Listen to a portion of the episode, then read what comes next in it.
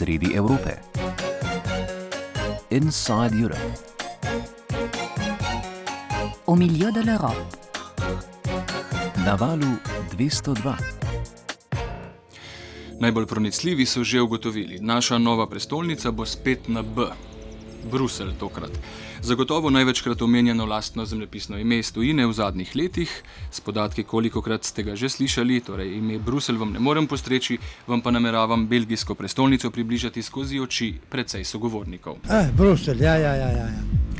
Prestolnica Belgije, Evrope ali in birokracije. Ali bo tudi naša prestolnica?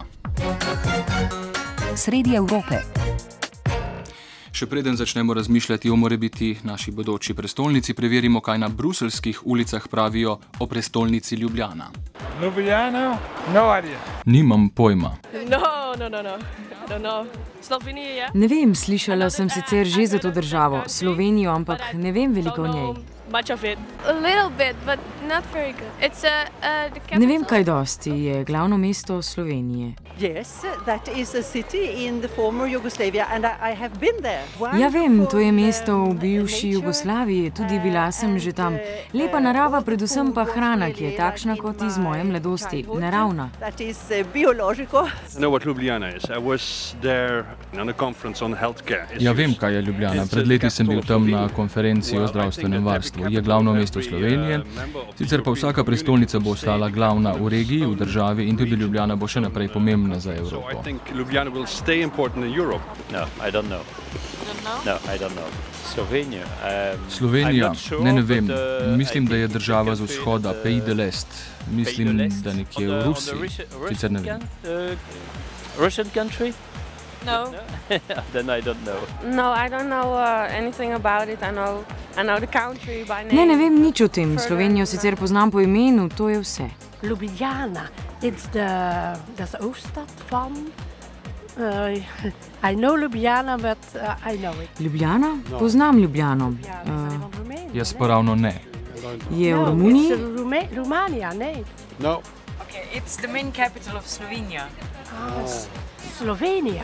Slovenija. Ah, Slovenija, glavno mesto ima Slovenije. Ja, ja, veva za Slovenijo. Ja, yes, ampak uh, we kje je to, pa ne Slovenia, vem. Hm? I don't know. Oh yes, uh, Ljubljana. They come with uh, Europa. Ljubljana je v Evropi, Yes, kaj ne? yes, ja. A ni Tam, uh, mogoče tam, ena od uh, desetih držav pristopnic? Are uh, coming from uh, Yes. uh, Europe. Yes, yeah? yes. yes, yes. Czech, Czech didn't say pa. A je na? Češkem, I don't know. I don't know. Poljska, Polen, Madžarska Polen, mogoče? Nog. Hungary? No,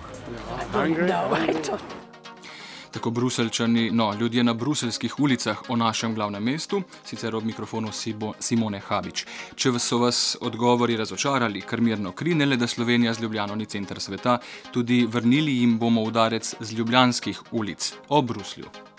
Bruslju, a to je Španija. Pa uh, leži v morju. Šport, rokomet. a ni? Bruslju je njen šport. Kakšen šport pa tega ne bi vedela.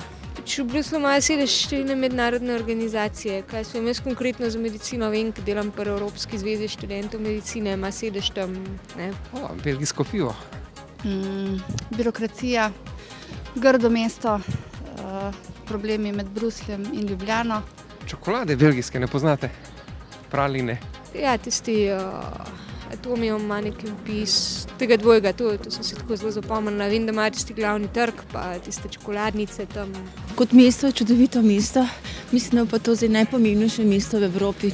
Glavna mesta Belgije, pa tam so vsi ti glavni organi Evropske unije.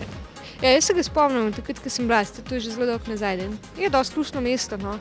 edino pač, ker se spomnim vremeni, tudi takrat je dežvak, smo mi bili. No.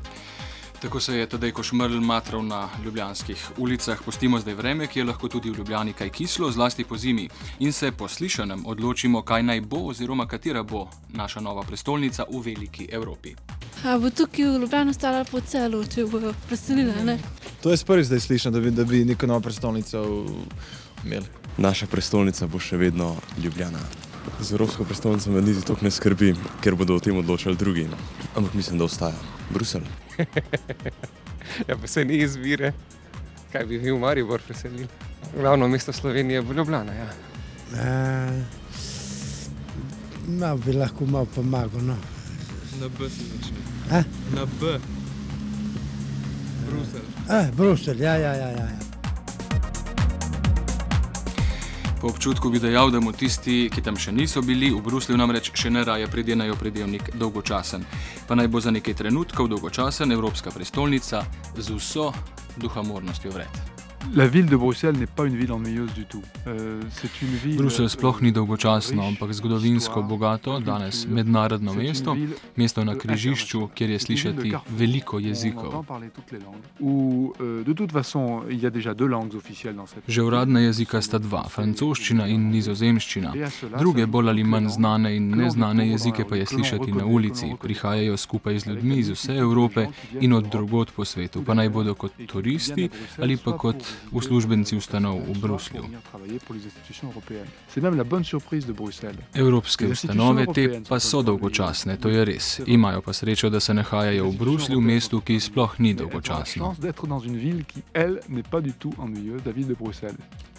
Tako pravi Jean-Bernard Cadier, dopisnik francoskega radia Europan, ki je pred pol leta službo v Washingtonu zamenjal za Bruselj. A, Bruselj, ja, ja, ja. ja. ja. Naslednji klepet ni potekal v, ampak o Bruslju, pa tudi o Belgicih. Podiplomska študentka v Luvnu, Anita Ivačič, je delala družbo Simoni Habič ob sprehodu po mestu Diamanta v Antwerpnu. Videla si že kar nekaj belgijskih mest, kako bi lahko nekako otipizirala Belgice oziroma jih opisala. eh, Naklonjeni, radi pomagajo in podobno. A res, tega še pa nisem opazila. Mogoče zato, ker se še nisem znašla v situaciji, da bi res potrebovala pomoč. Študenti so pa zelo, zelo komunikativni. No, in če kogarkoli ustaviš na ulici, je mm, dosti lažje zato, ker vsi govorijo angliško. Tudi starejši ljudje bodo vsaj znali povedati levo in desno, te znali usmeriti na pravo pot v angliščini. No, eh, v Bruslu recimo skoraj da nihče ne govori angliško.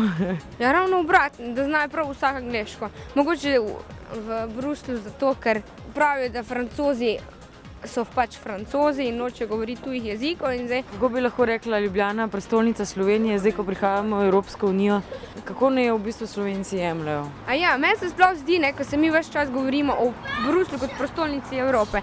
Sploh se mi zdi, da oni so že tako dolgo v Evropi, Benelux države so v Evropi od samega začetka, od leta ne vem, 51, od Dunga, ne, kaj že, Steel and Cold Community. In oni se sploh ne sprašujejo in obremenjujejo s tem, ali so v Evropi ali niso. Njim se zdi to samoumevno. In zato tudi največ Brusla ne vidijo kot prestolnico Evrope, pa pač kot eno mesto, mogoče kot glavno mesto, kot mesto, kjer živi njihov kralj Albert. Ne vem, drugače pa se mi zdi, da ja, mi imamo ta predsodek, da smo periferija, pa da hočemo pač iti v to Evropo, pa da je center. No, jaz sem eh, recimo že nekajkrat bila v Bruslju in ni tako, če vprašaš človeka, mogoče domačina, kako pride do Evropskega parlamenta. Zelo pogosto se celo zgodi, da pojma nimajo, kako so tja pride ali pa kje to je, ker jih ni nikoli zanimalo. Tako kot recimo nas mogoče politike ne zanima, tako tudi njih ne zanima. No, tako smo slišali v zadju tri fante in eno dekle, ki so govorili um, flamščino. Ti si se nekaj časa tudi učila flamsko. Um, to gre za dva predela tukaj in tudi Bruselj je nekako deljen. Ja, Bruselj naj bi bila tretja cona. E, Belgija je federacija, sestavljena iz flamskega in valonskega dela. Tretja, tretji del te federacije je pa Bruselj, kjer je uradni jezik, mislim, naj bi bil dvojezičen, ampak več ljudi govori francosko kot pa flamsko. To pa najbrž tudi zaradi tega, ker kraljeva družina je govorila vedno francosko, potem vse institucije, tudi francoščina, vedno bila bolj pomembna. V vseh mestih srečaš isto to holandsko arhitekturo, low countries, imajo veš, špičaste profile hiš, ne špičaste, ampak pač te na zobčkaste profile hiš. Pa zelo oske, pa v višino grejo, pa opekaste hiše, no? ni ravno nekih fasad. Tipični belgijski dan, to pomeni, da piha, da prši, tako kot njim pravga dežatle, pa tudi snega nima ravno zelo pogosto. Mesta zelo sivo delujejo, pa temna. Prav domačini se tako smešno malo oblačijo. In ne vem, pa piha, sicer temperature so više kot pri nas, ampak oni pa res vidiš jih na kolesih v vsakem vremenu, v dežju, v vetru, v soncu. Pogosto je, da tečejo v zunje v vsakem letnem času, uh, v kratkih rokavih in kratkih hlačah. Pa tudi zdaj res dekleta, fantje hodijo v zunje zelo pomankljivo oblečeni, bi rekla. Pa ne, mislim, ne razumem jih, kako to, da jih ne zebe. Tako Anita Ivačič iz Belgije, naša bruselska dopisnica Tanja Fajon pa se je belgijskih polnakcev že navadila, ampak mimo vremena pri vtisih o Bruslju vseeno ni mogla. V milijonskem Bruslju so hitre spremembe vremena nekaj povsem običajnega. Topla poletja in blage zime so za marsikoga sicer izjemno prijetne, vendar pa je dež mogoče pričakovati skoraj vsak trenutek, pa če tudi se jutro začne brez samcatega oblaka na čudovito modrem nebu. Razlika med tujci in domačini je v tem, da prvi dežnike odprejo že skoraj v rahlem pršenju, medtem ko drugi veselo skačejo po ulicah in barkih, če tudi premočeni skoraj do kože. Belgici, sicer prijazni in ustrežljivi ljudje, imajo še eno posebnost - spretnost v obvladanju vožnje. Čim se namreč usedajo za volan, začnejo veljati pravila močnejših in bolj drznih. Vožnja po bruselskih cestah je pravi podvig zlasti za prišleke. Prerivanje, izsiljevanje, napačno parkiranje - vse to so pravila dobrega belgijskega voznika. Brusel pa ima gotovo vsaj eno sladko prepoznavno lasnost - izvrstno čokolado in čokoladne dobrote. Belgijske praline so največji dosežek čokoladne izdelovalne umetnosti, pravijo domačini. Veliko čokoladnih butikov praline še vedno izdeluje ročno, sicer pa so te po mestu skoraj za vsakim ovinkom. Tanja Fajon o vozniških travmah tujcev in sladkih grehih belgijske prestolnice. Val 202. Sredi Evrope. Inside Europe. Vrnimo se k priokusu Bruslja, ki ga vse čas vlačimo po ustih, ali ga slovenci, ki, ga, ki že delajo tam, morda res vidijo kot bodočo prestolnico. Viktorija dela od septembra lani v Evropskem parlamentu. Jaz mislim, da bo Ljubljana za večino slovencev še vedno prestolnica, Bruselj pa predvsem za tiste, ki tukaj delamo. Uh, mislim, da lahko postane zelo domače mesto in uh, da je veliko ljudi, slovencem tudi pri srcu. Minusi Brusla. Večini se zdi nekoliko umazano, predvsem ulice in pa tako bivanski standard uh, ni prav visok, posebej za nas slovence, ki smo navajeni imeti lepo urejene hiše, okolico, ampak človek se navadi. Ko sem prve dni iskala stanovanje in ko se res nisem prav neče znajdla v Bruslu, so bili ljudje zelo uslužni. Kaj ti je najbolj pritegnilo v Bruslu? Ljudje, verjetno to multikulturno ozračje in ljudje, ki so zares odprti. Mislim, da Bruselj doživljajo kot svoje mogoče drugo mesto, poleg svoje prestolnice. Njihova hrana se mi zdi zelo okusna sicer ne preveč zdrava, mogoče pač pomfri kot ena glavnih specialitet, potem vafli. To velja, da v prvih nekaj mesecih uh, se skoraj vsak zredi. Ne, uh, ne vem, nekje sem slišala, da je povprečna teža, ki jo pridobimo, da lahko rečem, pridobimo 6 kg v prvih dveh ali treh mesecih, na to pa vsak mesec po 1 kg. No, to... to je statistika Evropskega parlamenta. Ja, nekako tako. ne, to je neuradna statistika, ampak jo lahko potrdi, mislim, da kar veliko ljudi. Opozorilo številka ena, torej, če greste živeti v Bruselj, vzemite tehtnico s seboj.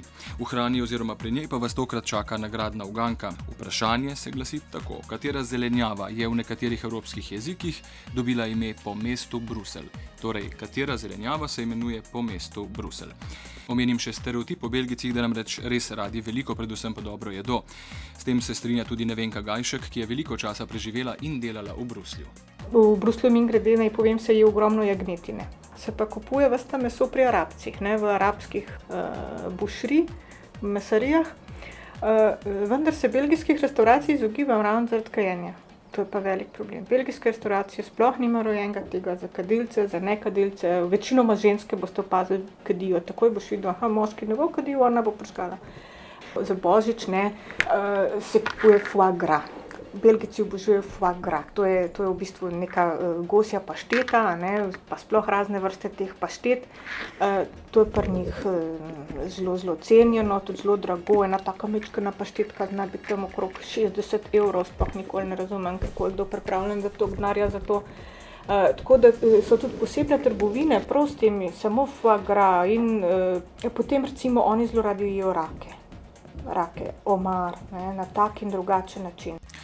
Tako, na telefonski zvezi pa imamo ob našem vprašanju, nagradni uganki, katera zelenjava je v nekaterih evropskih jezikih dobila ime po mestu Bruselj, Primoža. Primož, dober dan. Ne, Primoža ni več, je pa Tomaš. Tomaš, ste z nami, dober dan želim. Tudi Tomaš je izgubil pogub, pogum, Franc pa bo, mislim, da z nami. Dober Je. dan. Dober dan. Pozdravljeni. Dobar dan. E, tole govorimo o zelenjavi iz eh, Brusla. Kar povejte. E, Brstični ohrovt. Ja, uh, tale je bil res samo za korajžo, kot kaže. Prelahko vprašanje. Res je, prav imate. Veste, kako se reče, v katerih jezikih ga- imenujejo uh, po mestu Bruselj? Po v francoščini, italijanščini Ja. In v angleščini. in angliščini. Ja. Veste izraz, poznate morda izraz? Ne vem. Ne. Um, Brussels sprout in chou de Bruxelles v francoščini. Ostanite na zvezi, sicer nagrada ne bo kaj uh, evropska, ampak majico in CD, vala 202 pa vseeno dobite. Franc, hvala lepa za sodelovanje in še kdaj v bodoče. Ja, srečno. Nasvidenje, srečno. Res, Angleži in Francozi so brstični ohrovt poimenovali po Bruslju, tako v direktnem prevodu iz angleščine dobimo bruselski poganjek, iz francoščine pa bruselsko zelje. Če vam rečem brstični ohrovt, ali najdete kakšno povezavo eh, z Seveda. Brusljem? Seveda, Brussels sprouts, tako da v Bruslju je tako rekoč nujno jesti brstični ohrovt, se imenuje po Bruslju. ne. so pa seveda še druge kulinarične zadeve. Kot kulinarično zadevo seveda ne bi priporočala brstičnega ohrovta, ampak morda kaj drugega, kakšne dobre školke, mul, kot jim rečejo bruslečani. Uh, seveda je tudi njihov frit, kot pravijo, oziroma naš pomfrit, ali ne vem, kako se mu slovensko reče, odvrti krompirček. Uh, Je res belgijski? zadeva- res je belgijski, je pa menda skrivnost dobrega čipsa v tem, da mora biti dvakrat pražen in menda prej celo malo pokuhan. Pokuhan krompirček, dvakrat prepražen. Mislim, da tudi v, v, v francoskih kuharskih knjigah, da se kar angliški izraz uporablja. Uh, vendar moram reči, ne, pri francoščini eh, zmotno je, da je večinski jezik Bruslja francoščina. 60 odstotkov prebivalstva govori flamsko. Je pa to mogoče ena zelo nenavadnih stvari uh, v Bruslju. To je približno tako, kot če bi se vi peljali do Kranja in bi bilo nenadoma vse v nekem drugem jeziku. Non-stop te ustavljajo razni tovornjakarji, šoferji in tako naprej, ker išče tablo za Gent, ki nenadoma zgine. Kar naprimer 25 km ven z Bruslja, ker je to flamsko področje, se tudi vse table spremenijo in niso niti dvojezične. Samo na nekaterih področjih, ki se imenujejo bilang, to se pravi dvojezični, ne, so dvojezični, so pa lahko tudi popolnoma drugačni. Recimo Mons, ki ga poznamo, je Bergen. Tako Nevenka Gajšek, ki zdaj dela pri službi vlade za evropske zadeve, v času delovanja redakcijske enote v Bruslju pa je bila nacionalna koordinatorica za prenašanje in prevajanje pravnega reda Evropske unije v slovenski jezik. V Bruslju se težko počutiš tujec, zato ker je tam toliko tujcev, da to nekako zbledi. Nobena drugačnost ni, ni problem, ne religiozna, ne mm, rasna, ne jezikovna, nikakršna. Po cesti lahko greš oblečen kakorkoli, nihče se ne bo obrnil za tabo. Če bi v Ljubljani recimo videli nekega zelo ortodoksno oblečenega žida, bi se verjetno še kdo obrnil za njim, medtem ko je v Bruslju to tako vsakdanje, da, da nihče niti ne pogleda. Da je Bruselj mesto, kamor se gre delati, v službo, torej podarja marsikdo, ki je kdaj delal tam. Živeti tam pa je nekaj povsem drugega. Številne mlade pa vendarle zelo mika. No, za mlade je to vsekakor nekaj novega, je izziv. Mislim, da če si mlad, eh, nimaš otrok, ki jih moraš tam dati v neko šolo, vrtec in tako naprej. To prav gotovo ni za dvakrat premišljati. Velja poskusiti, plače so dobre, možnosti izobraževanja, napredovanja so velike.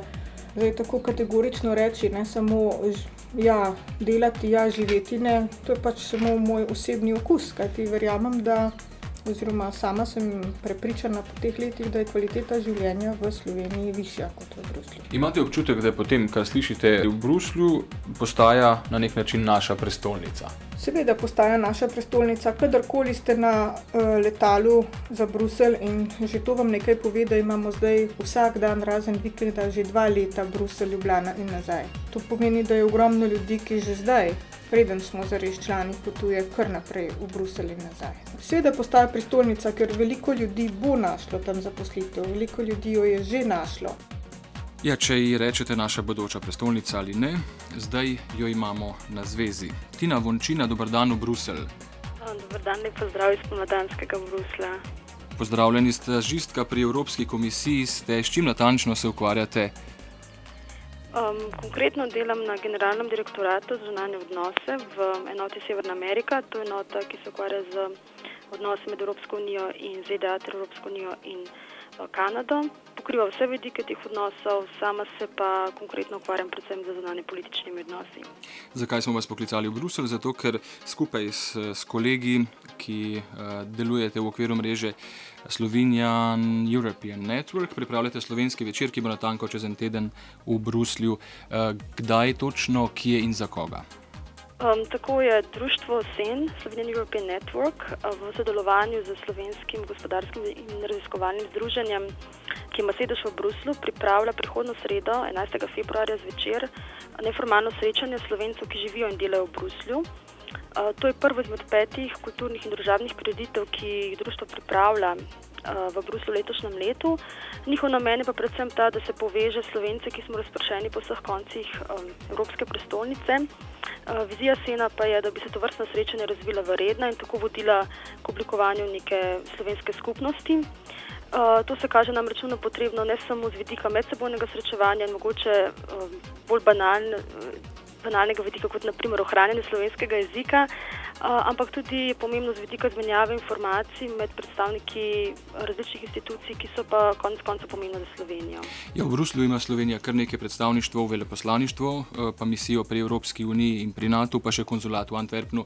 So še, tu so še študenti, pa ljudje, ki so se tja preselili iz osebnih razlogov in tako naprej. Koliko približno Slovencev je v Bruslju, imate ta podatek?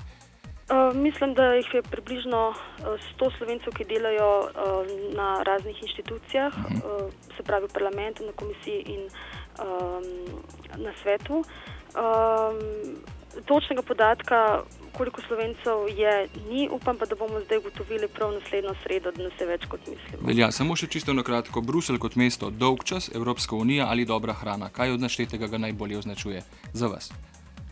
Um, Težko bi se opredelila, bi rekla Evropska unija in dobra hrana. Tina Vončina, hvala lepa za oglašanje iz Bruslja. Nasvidenje. Zdaj smo sredi Evrope. Na valu 202. Ja, z vsemi svojimi posebnostmi je Bruselj vendarle predvsem mednarodno mravlišče EU-ja. V mestu, velikem za tri Ljubljane, ima sedež več kot 120 vladnih organizacij in več kot 1400 nevladnih. Samo uradnikov Evropske unije je v Bruslju 20 tisoč in še kakšen čez. Poleg vtisa pomembnosti daje bruselska mašinerija še vtis ogromnosti, pravzaprav pa gre le za eno mestno četrt. Gre le za nekaj zgradb, ki so zbrane v eni bruselski četrti in nikakor ne gre soditi Evrope na podlagi te četrti. Tega ne povejte arhitektom, ampak ta četrt je res zelo grda.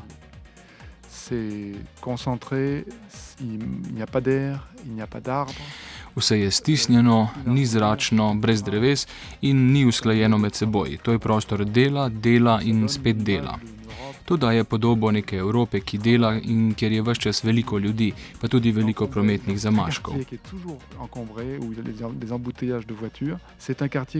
Ta četrt je vse skozi v prenavljanju, tam vedno nekaj ropota in tam vedno preusmerjajo promet. Če bi v tem želeli videti podobo Evrope, bi bila ta precej kruta. Vendar pa so na srečo Evropa ljudje, narodi in ne bruselske zgradbe. Francoski dopisnik Jean Bernard Cadie pravi tudi, da francozi zelo radi pripišajo krivdo za težave, ki jih povzroča globalizacija prav v Bruslju. Tudi mi nismo daleč. Vsi imamo težave z globalizacijo, tako Slovenci, Hrvati, Francozi, Američani, Muslimani ali Kitajci. Gre za izziv, ki naš način življenja prevrača na glavo. Pospeševanje vsakovrstnih izmenjav blaga, ljudi, informacij, to že, ampak kdo je ta globalizacija, kdo si jo je izmislil, kdo jo poganja? Seveda želimo najti krivca za tisto, kar moramo danes živeti. On voudrait une personne, parfois la mondialisation c'est Bill Gates, George Bush. Enkrat je globalizacija Bill Gates, drugič George Bush, pa spet McDonald's. Ampak ne gre zgolj za to. S tem, da razbijamo restauracijo s hitro hrano, globalizacije ne bomo ustavili. V tem iskanju krivca za njo, francozi v resnici enačijo proces globalizacije z bruselsko zakonodajo. No pa smo našli krivca, ki spreminja naš način življenja, pravijo.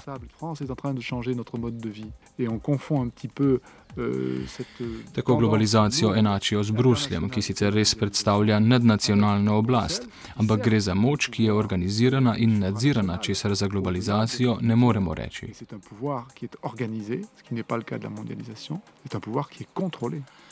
No, pri nas vemo, okrog česa se svet vrti, okrog Bruslja, ne vem, kaj še. Tam je tako, kot da je v eni. Je sicer ogromna ta evropska četrt, ne? sami brusličani se znajo nad evrokrati pritoževati, da imajo veliko denarja, pa ne plačujejo davkov, pa tako naprej, ker je vse res, pa imajo drage avtomobile, pa tukaj samo. Uh, se pa tužuje čez njih, samo Bruselj brez evra ni nič. Kadar imajo evrokrati počitnice, takrat so tiste četrti prazne. Kaj pa je v Bruslju? Poglejte, grom plas. Večkrat so kakšni slovenci še na začetku prišli gor, pa so rekli, da je pokaž mi mal Bruselj. Pa ima človek kar problem, pokažeš grom plas, to je ta velik trg, nekaj na vseh razglednicah, potem ta sen kontener, ki je bil postavljen v 50-letnici osvoboditve Belgije, pa zgleda kot en slavolog zmage, pa se spodi z avtom peleš. Potem je ta uh, ulica s temi restauracijami, Ride Boucher, galerij uh, Dlaren, tistega kraljeve galerije in konec. Je pa še ena reč, ki jo je moč videti v Bruslju: maneken pis. Pozor, je majhen, a prav nič dostojen, opozarjajo reklamari, ki sicer vabijo v Bruselj. Maneken pis je nekakšen začetni znak Bruslja, to je deček, ki že od leta 1619 lula na vogalu ulice Etuve v središču mesta, nedaleč stran od osrednjega trga Grand Place. Maneken pis je med lulanjem skozi stoletja nabral očitno kar nekaj sovražnikov. Vojaki francoskega kralja Ludvika XV. so ga ukradli in pustili ob nekem bordelu, vendar jih je kralj kaznoval, maneken pisu pa dal prekrasne oblačila. Od takrat naprej je občasno oblečen. Parkrat je izginil ključni del za upravljanje poslanstva Maneken Pisa. Pred desetletji so ga zaradi stave ukradli študenti, a je našel pot nazaj nad svoj vodnjaček in še vedno kljubuje v svoji nedostojni pozi. Zdaj so najbolj usiljivi, popadljivi japonski turisti s fotoaparati. A fantek lula naprej. Če ne bi bil maneken pis premajhen, bi rekel, da ga vse čas tišči zaradi piva, menda ga lahko le v Bruslju poskusite nekaj sto vrst.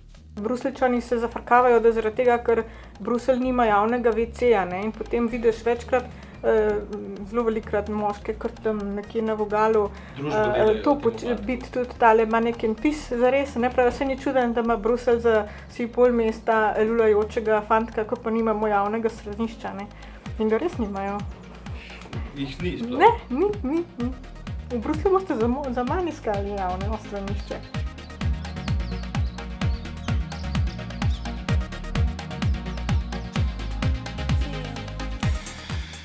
Pomembnost gor ali dol, danes se maneken pis še vedno na vse skupaj, vključno z EU, polula, da ne rečem kaj konkretnejšega.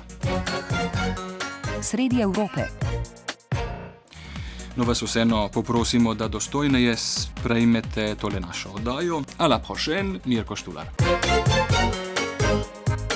Sredi Evrope. Inside Europe.